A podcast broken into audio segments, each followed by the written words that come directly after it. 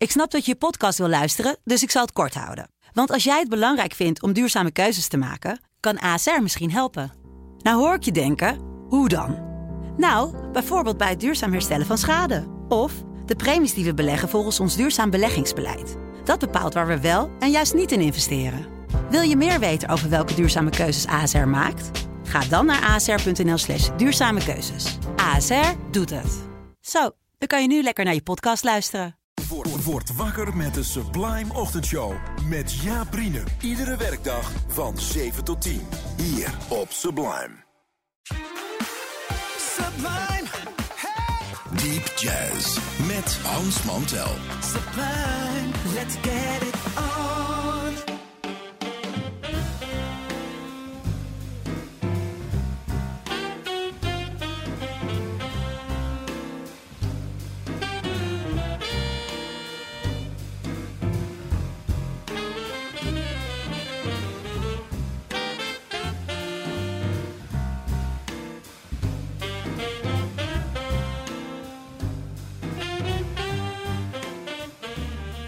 Welkom, welkom allen hier bij Sublime op de Sublime Jazzavond. Je hebt net twee uur naar Candy kunnen luisteren. Zo meteen na ons Bart en Rolf met Dutch Jazz. Wij op ons vaste tijdstip er even tussenin met Deep Jazz. Wij is dan als altijd technicus Joost Brands en ik. En wij zitten hier met z'n twee elkaar aan te kijken over enorme stapels eh, hele goede platen waarvan we vinden dat je die moet hebben. Die platen, kijk, platen met eeuwigheidswaarde, om het maar even zo te noemen. Dat zijn natuurlijk per, bijna, zou ik zeggen, per definitie platen die niet gisteren zijn opgenomen. Want daar kan je dat nog eenvoudig nog niet van zeggen. Dat is een interessant ding. Hè? Wanneer kan je nou van iets zeggen dat het eeuwigheidswaarde heeft? Kennelijk moet dat even liggen. Net als goede kaas en wijn moet dat even liggen voordat je dat ervan kan zeggen. Maar dat staat natuurlijk helemaal niet in de weg dat we ook veel recentere dingen doen. Maar we beginnen vandaag met een plaat die eh, in 59 werd opgenomen toen John Coltrane lid was van de band van Miles Davis. En zo af en toe dan zin had om een paar van zijn eigen dingen op te nemen. Hij deed dat dan met de rimsectie van Miles. In dit geval Wynton Kelly, Paul Chambers en Jimmy Cobb. En de plaat die we hier voor ons eh, zagen liggen op de stapel heet Coltrane Jazz. Zo'n mooie Atlantic plaat. Het label waar die toen eh, net naartoe was overgestapt. Uh, Neshui Ertegun produceerde die plaat. Dat Atlantic label, dat is wel fantastisch. Dat, is geweldig. Dat is een van de grootste uh, platenmaatschappijen geweest die heel erg hard zwarte muziek pushte. Zowel soul als jazz. En dat waren notabene uh, Neshui en Ahmet Ertegun waren de zonen van de toenmalige Turkse ambassadeur in Amerika. Die allerlei uh, zwarte artiesten in zijn residentie liet optreden en dan feestjes organiseerde en ze per limousine liet ophalen en over de rode loper uh, liet lopen. En die kreeg toen al commentaar vanuit de Amerikaanse hoek van ja, ja, misschien is het toch niet zo slim om zwarte mensen nou zo prominent door de voordeur te... En toen zei die, toen zei ambassadeur, krijgen jullie het Lazarus. Want die deed dat gewoon. En die zoons hebben naderhand dus het Atlantic label opgericht. En daar staan dus de allerbeste platen op die we van vroeger allemaal kennen. En die jongens hebben dat gepusht. Vind ik een fantastisch verhaal. Blue, Note is begonnen door Duitsers. En Atlantic is begonnen door Turken. Zeg. Niet te geloven. Um, Oké, Coltrane Jazz is dus die plaat. En een stukje dat we gaan draaien is een blues met een iets ander schema onder de melodie. En het stukje heet Some Other Blues.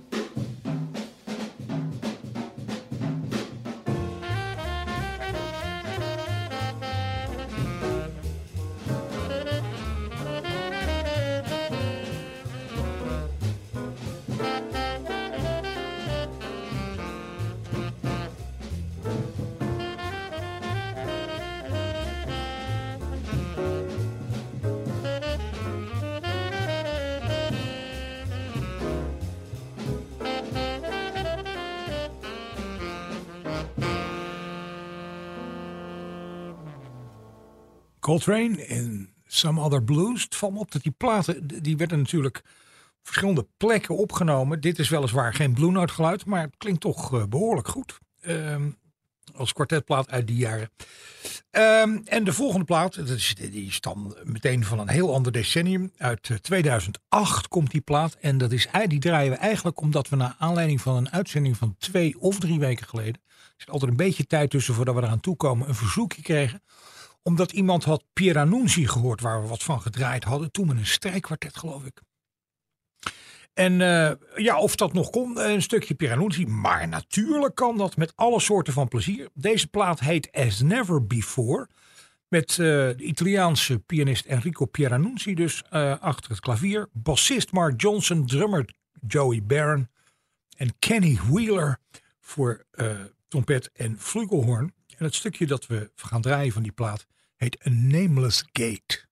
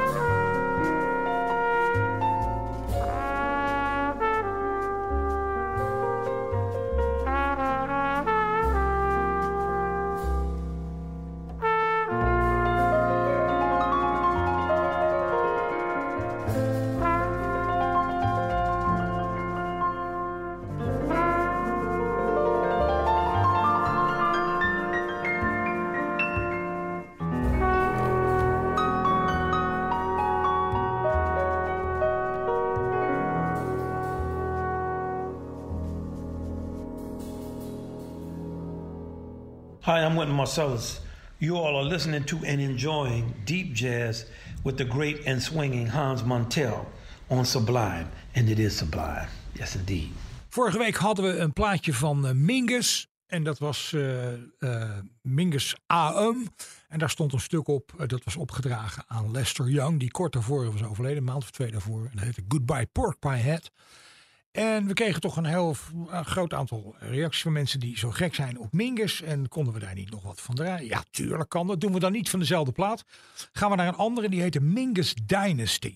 Werd in hetzelfde jaar opgenomen, maar met een groter orkest met uh, louter grote namen erin.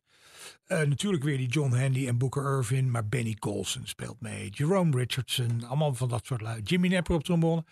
En uh, we hebben maar een stukje uitgekozen, dat leek ons aardig. En het heet Song with Orange.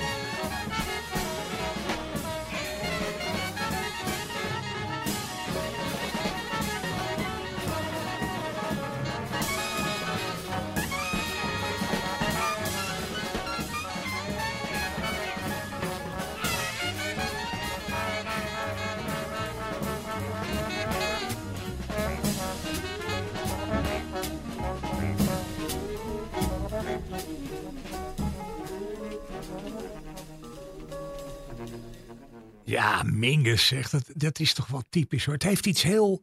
Die muziek. Iemand zei eens een keer tegen mij: It sounds tribal. Dat, dat, dat, dat is het. Het heeft een soort goed werkende graad van schijnbare disorganisatie. En, en of niet preciesheid of zo. Ik, heb geen, ik weet niet wat het is, maar het is, het is wel. Je herkent het onmiddellijk als Mingus. En wat er gebeurt, werkt heel goed. Hoe anders is dat bij, want we zitten nou toch op, dat, op, dat big band, eh, op die big band golflengte. Laten we eens iets heel anders proberen. Iets dat eigenlijk, en dan bedoel ik het dat een beetje voorzichtig, maar toch wel erkend wordt als de big band der big bands in, eh, in jazzmuziek. En waarom? Omdat het niet alleen de allerbeste spelers heeft, uit het midden van New York komt, maar omdat de allerbeste schrijvers en de, de, de, componisten zo eh, daaraan bijdragen. Of het eigenlijk, het komt allemaal van Ted Jones af, want daar gaat het over. De Ted Jones Mel Lewis Jazz Orchestra. En ja, dat is artistiek en, en zo is dat allemaal zo vreselijk goed. Daar kun je dus eigenlijk alleen maar over in superlatieven praten. Dat gaan we hier nu niet doen. Maar wel even een stukje draaien van de Ted Jones Mel Lewis Band. Om even de andere kant van het big band spectrum te horen. Dit is een beroemd stukje uit hun repertoire en dat heet 3 in 1.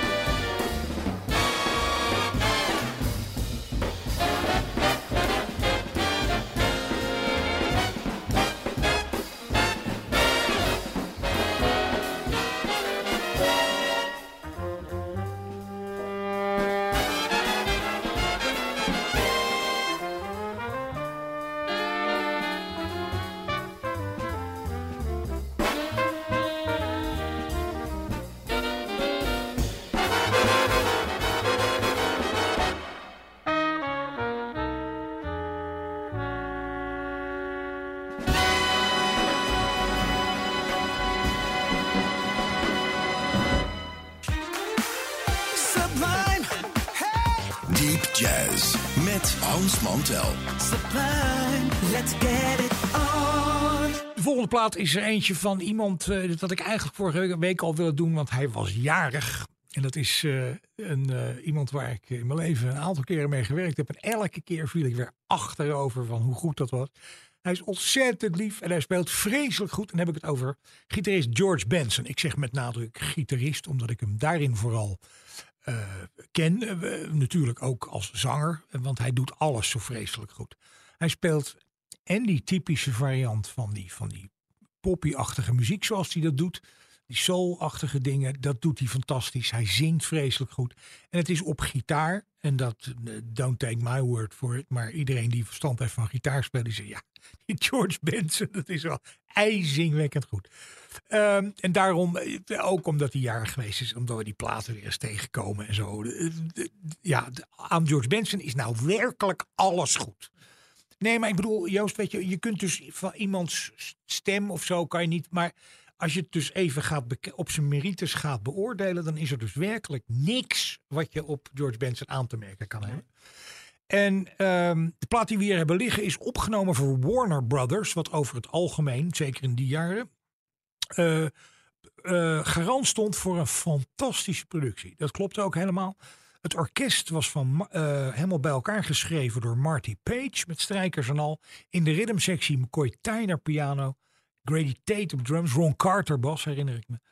En eh, ja, alles aan George Benson is goed. Dit is You Don't Know What Love Is.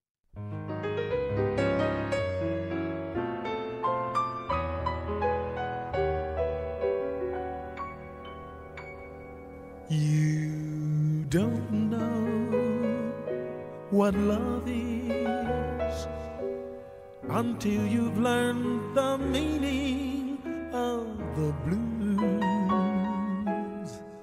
Until you've loved the love you had to lose.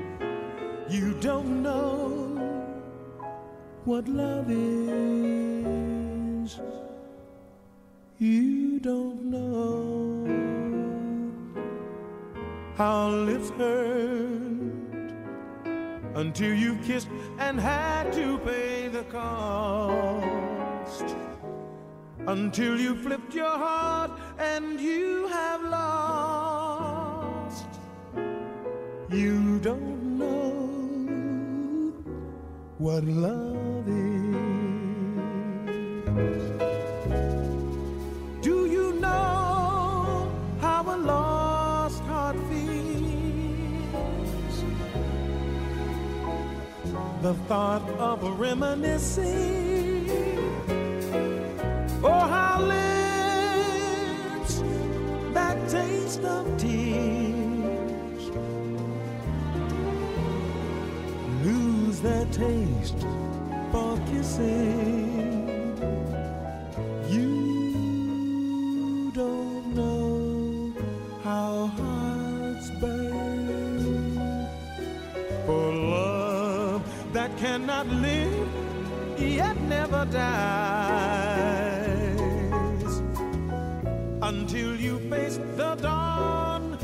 sleepless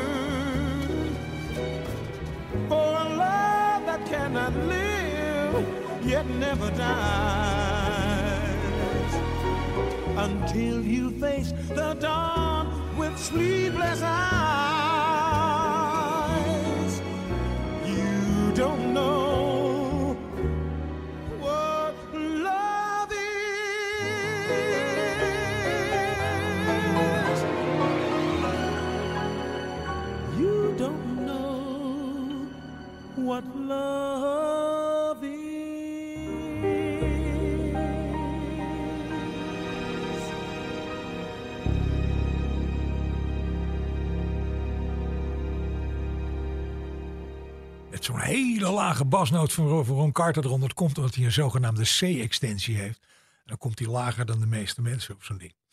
Eh, ja, George Benson, You Don't Know What Love Is. En daarmee zijn we op het punt aangekomen dat we nog één liedje voor je kunnen draaien. Dat doen we dan niet voordat we gezegd hebben dat vanaf maandag deze uitzending natuurlijk weer op Spotify staat. Eh, het archief kan je alle voorgaande dingen horen. Op de site en op allerlei andere manieren kun je deze aflevering terugluisteren.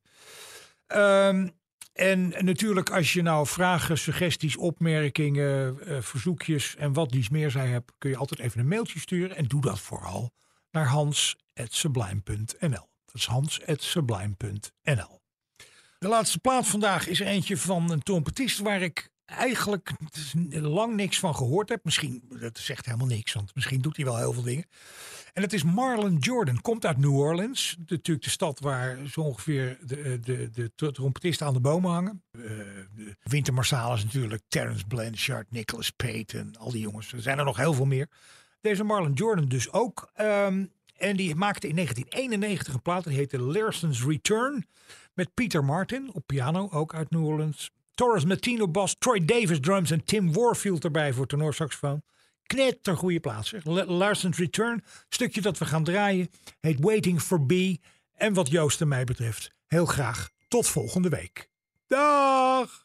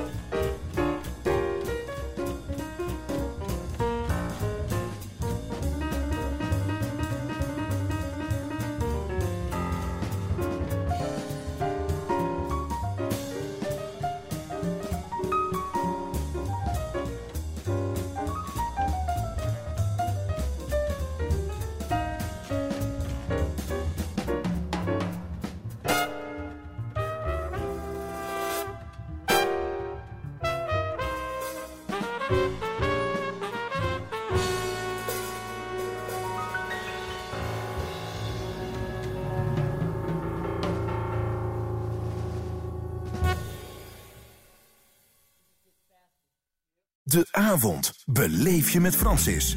Iedere maandag tot en met donderdagavond tussen 7 en 9. De Sublime Experience met Francis Broekhuizen. Hier op Sublime.